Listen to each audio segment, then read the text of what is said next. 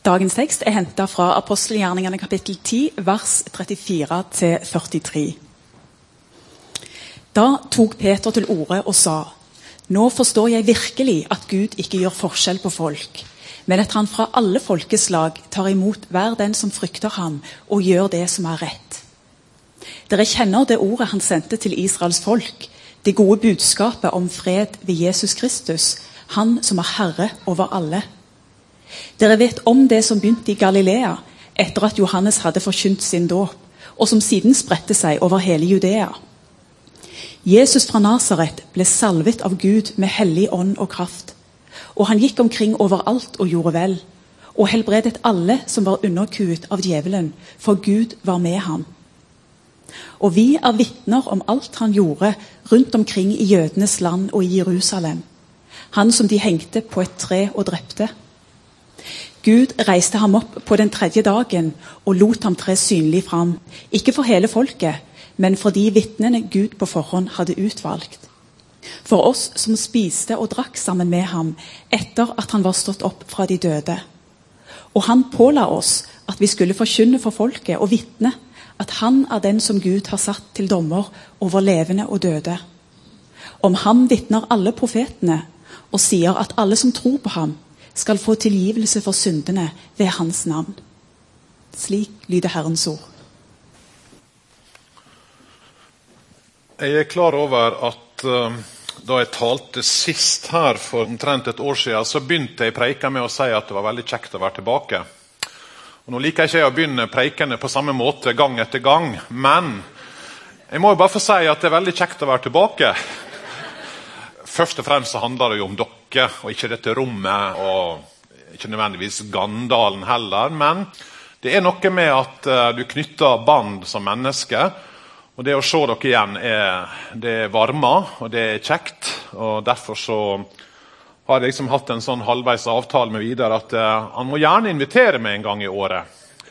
Så kan jeg jo si det samme setninga neste år også, da.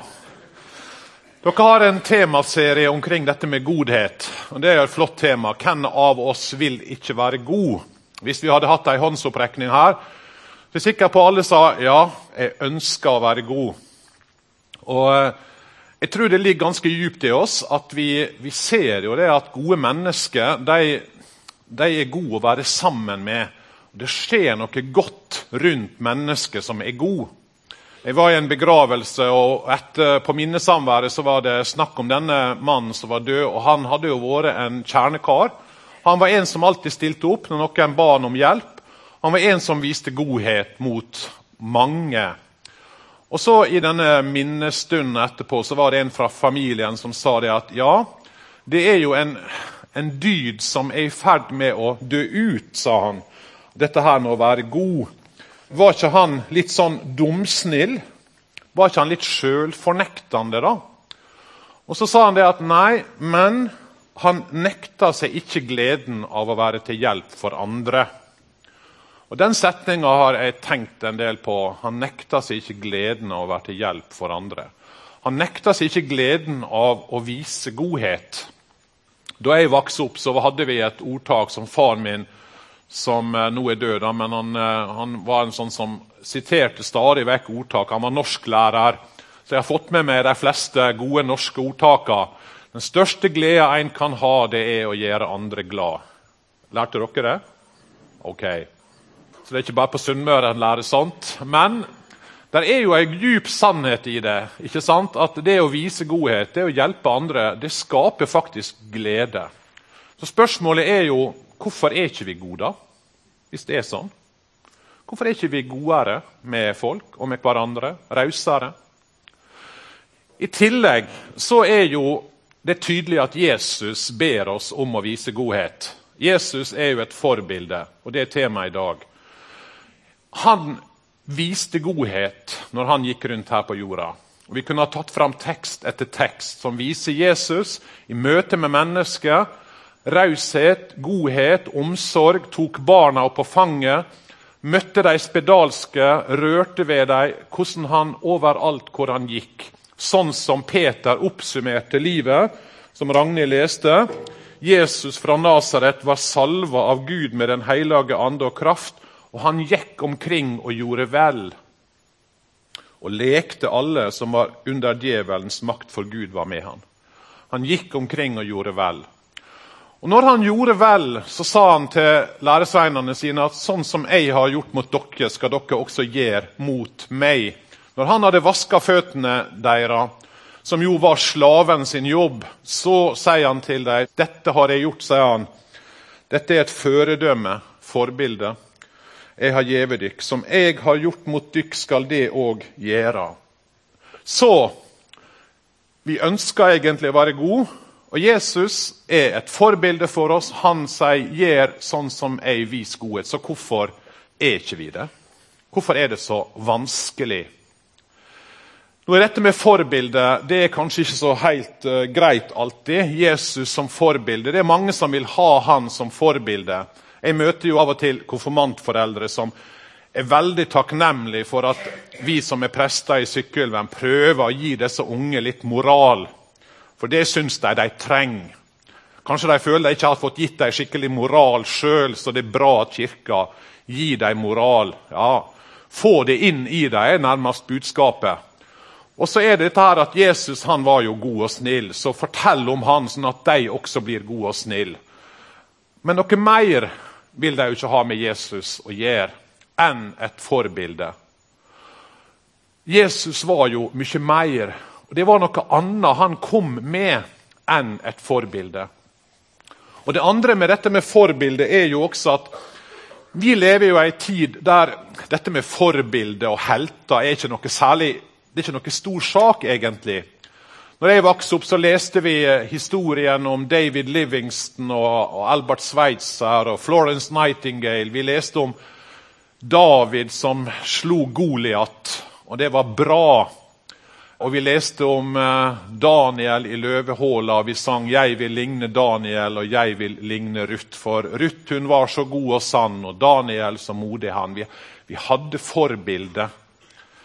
Har dere hatt merke til hvor problematisk det har blitt i vår tid med forbilde? Jeg leser jo en del krim, og da er det litt interessant å se den endringa som skjedde og Jeg så en reportasje om Sjøvall og Valø som de svenske krimforfatterne som på en måte innførte realismen i krimmen på 70-tallet. Og hvordan det endra seg, og hvordan krimheltene, som før var solide mennesker med ryggrad og ryddighet og flinke og ja, ganske perfekte mennesker, det har endra seg til å bli sånne Harry Hole-figurer. ikke sant? Som drikker og som har oppløste ekteskap, og som er sure og gretne og strever med både det ene og det andre og relasjoner. Det er dagens på en måte helter. Og Det å ha forbilde er jo ganske krevende. Og vi lever i en tid der dette er litt sånn problematisk. En som heter Timothy Keller, som er prest i New York, han fortalte i ei preike om hans observasjon da moder Teresa og prinsesse Diana døde nesten bare noen få dager mellom hverandre i 1997, da var det en voldsom sorg over prinsesse Diana. Mens moder Teresa sin bortgang var bare nesten sånn Å ja, hun er død, ja var ingen som sørgde over moder Teresa. Ja, det er klart det var mennesker som gjorde det, men verdenssamfunnet sørgde noe enormt over gjerne. Og Så sier han er det bare fordi vi er så overfladiske at det er kjendisene vi sørger over. Og Så sier han nei, kanskje det går djupere.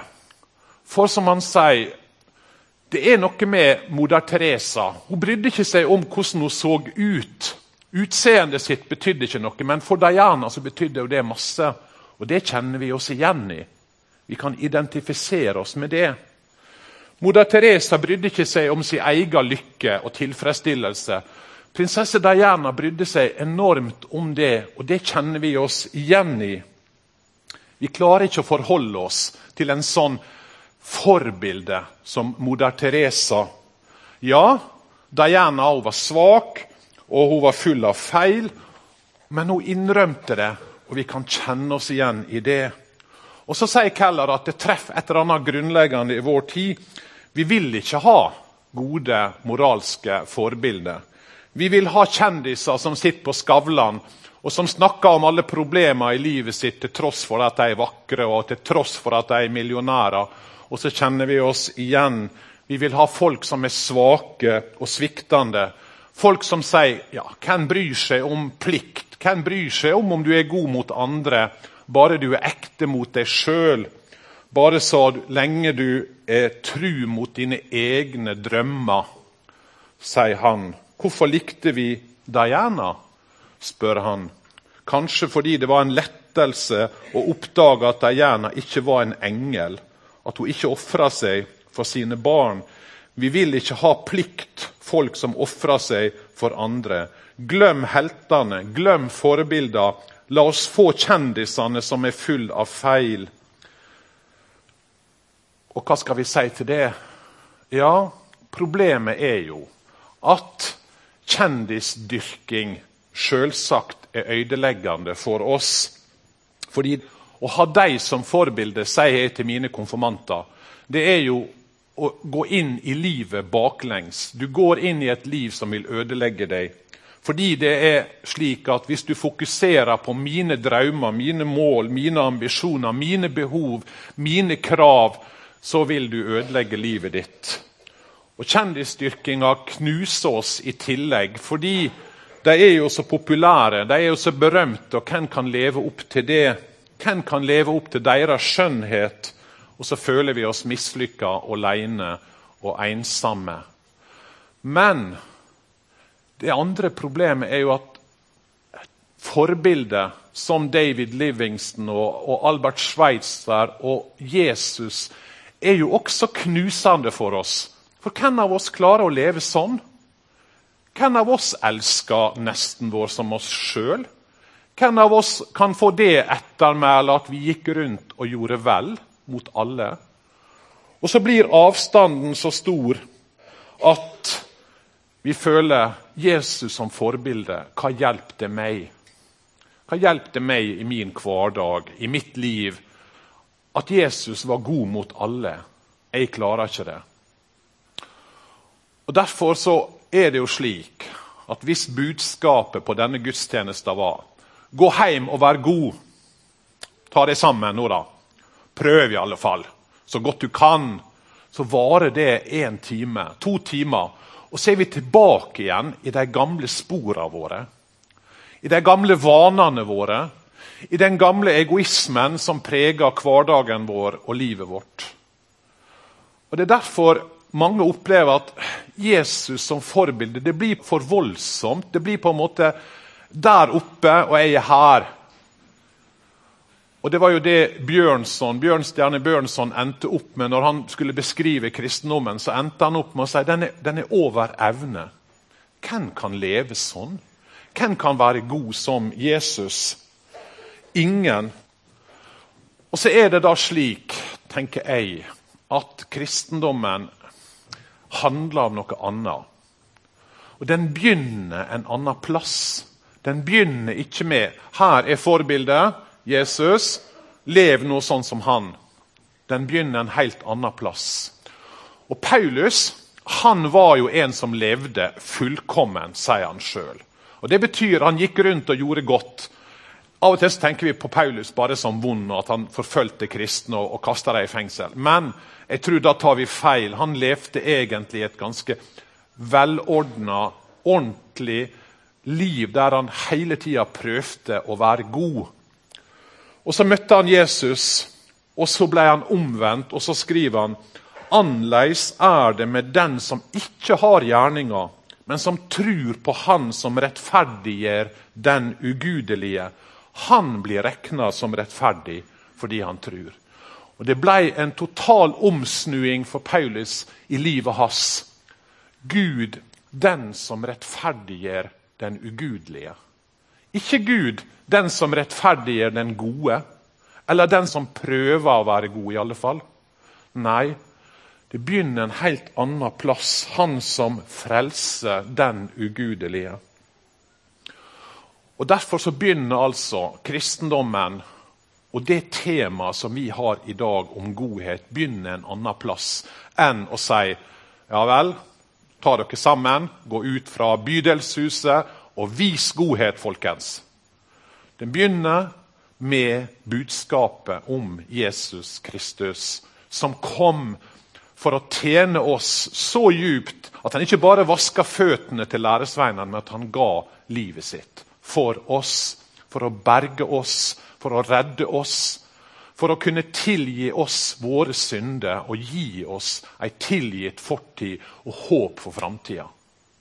Og Det Jesus kom med. Og Når vi får møte Han, og når vi får møte den godheten, den kjærligheten, som ikke stopper med bare å vaske føtter og vise sånn generell godhet, men som ikke stoppa før han ga livet sitt, ja, da tenker jeg, da skjer det noe med oss. Og Det var det som skjedde med Paulus.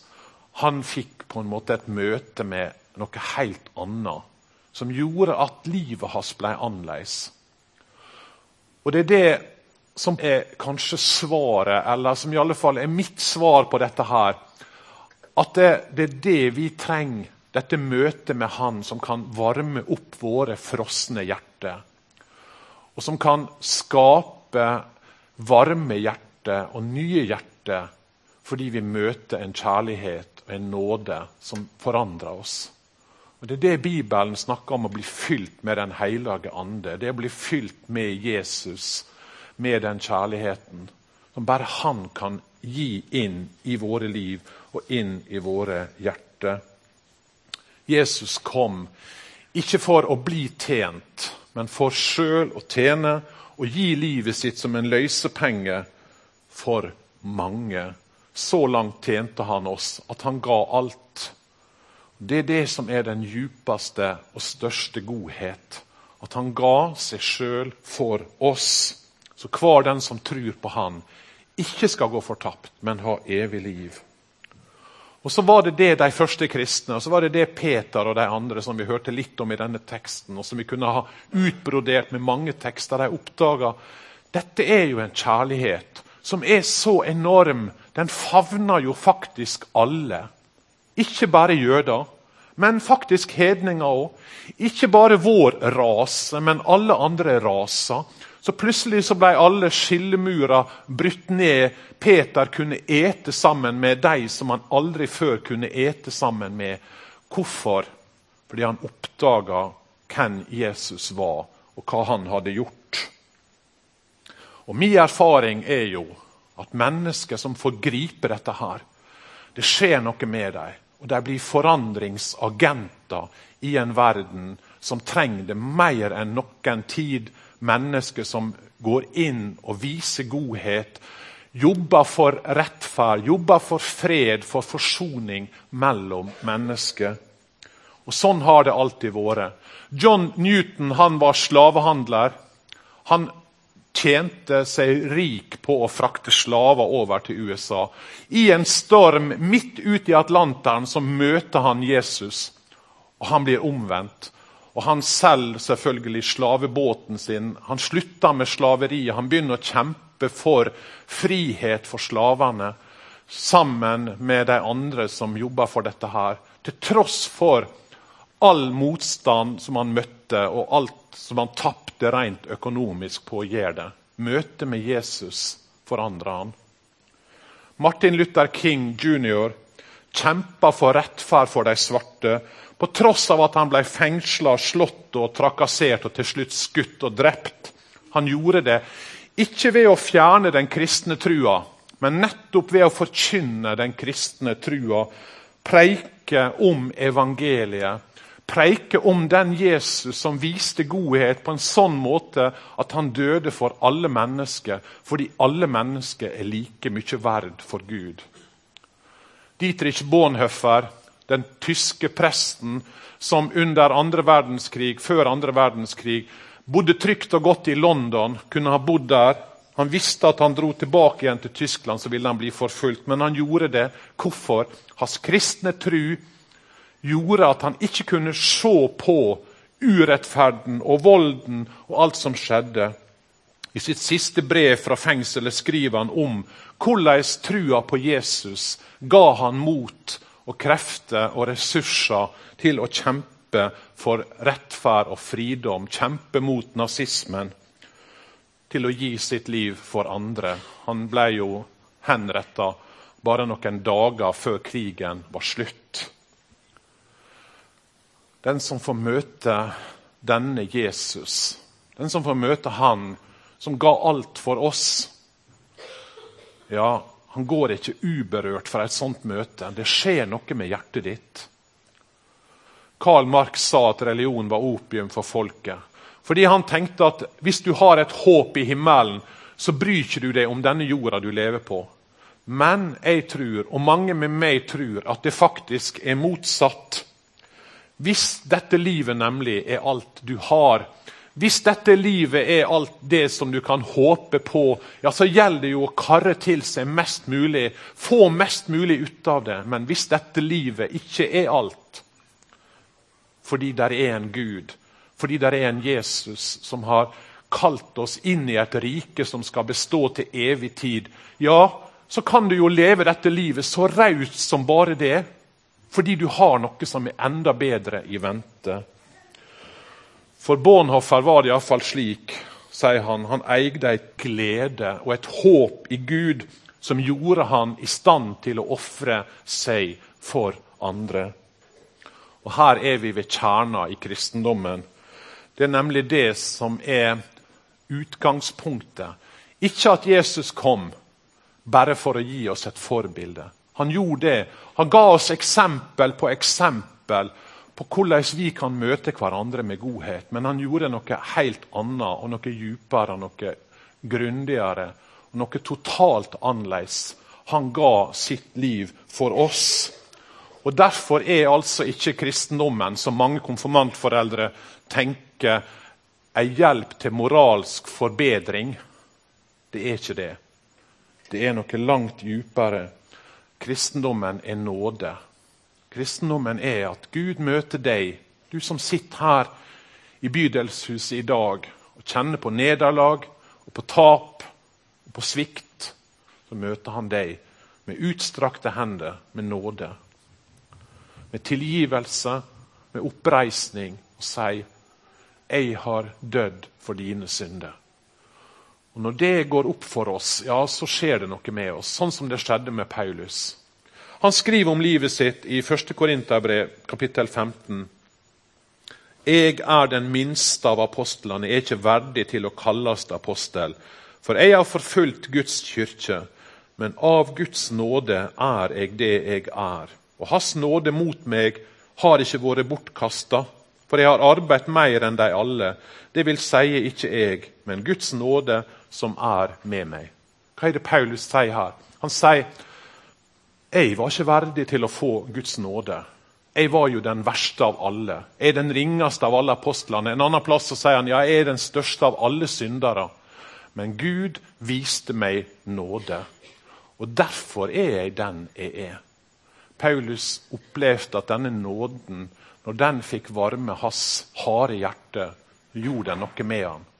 Og så sier han jeg har arbeidet mer enn alle. Hvorfor sier han det? Fordi denne nåden gjorde at Paulus ikke kunne sitte stille og bare se på at andre ikke hadde hørt dette evangeliet. Han måtte spre denne godheten, denne nåden, dette evangeliet ut til alle. Det er dette som er kristendommen. Og Det er der Jesus djupest sett er forbildet. Han ga sitt liv for oss, for at vi skulle få høre Han til og fordi at han skulle få komme inn i våre liv og sette oss i stand til å gå ut og være mennesker som viser godhet, som viser raushet, som viser nåde, som behandler alle likt, uavhengig av hvor de kommer fra, om de er nordmenn eller de er flyktninger, om de har mørk hud eller lys hud, uansett hvem det er. Jesus sier det er sånn jeg møter dere. Det er sånn jeg møter deg skal vi be sammen.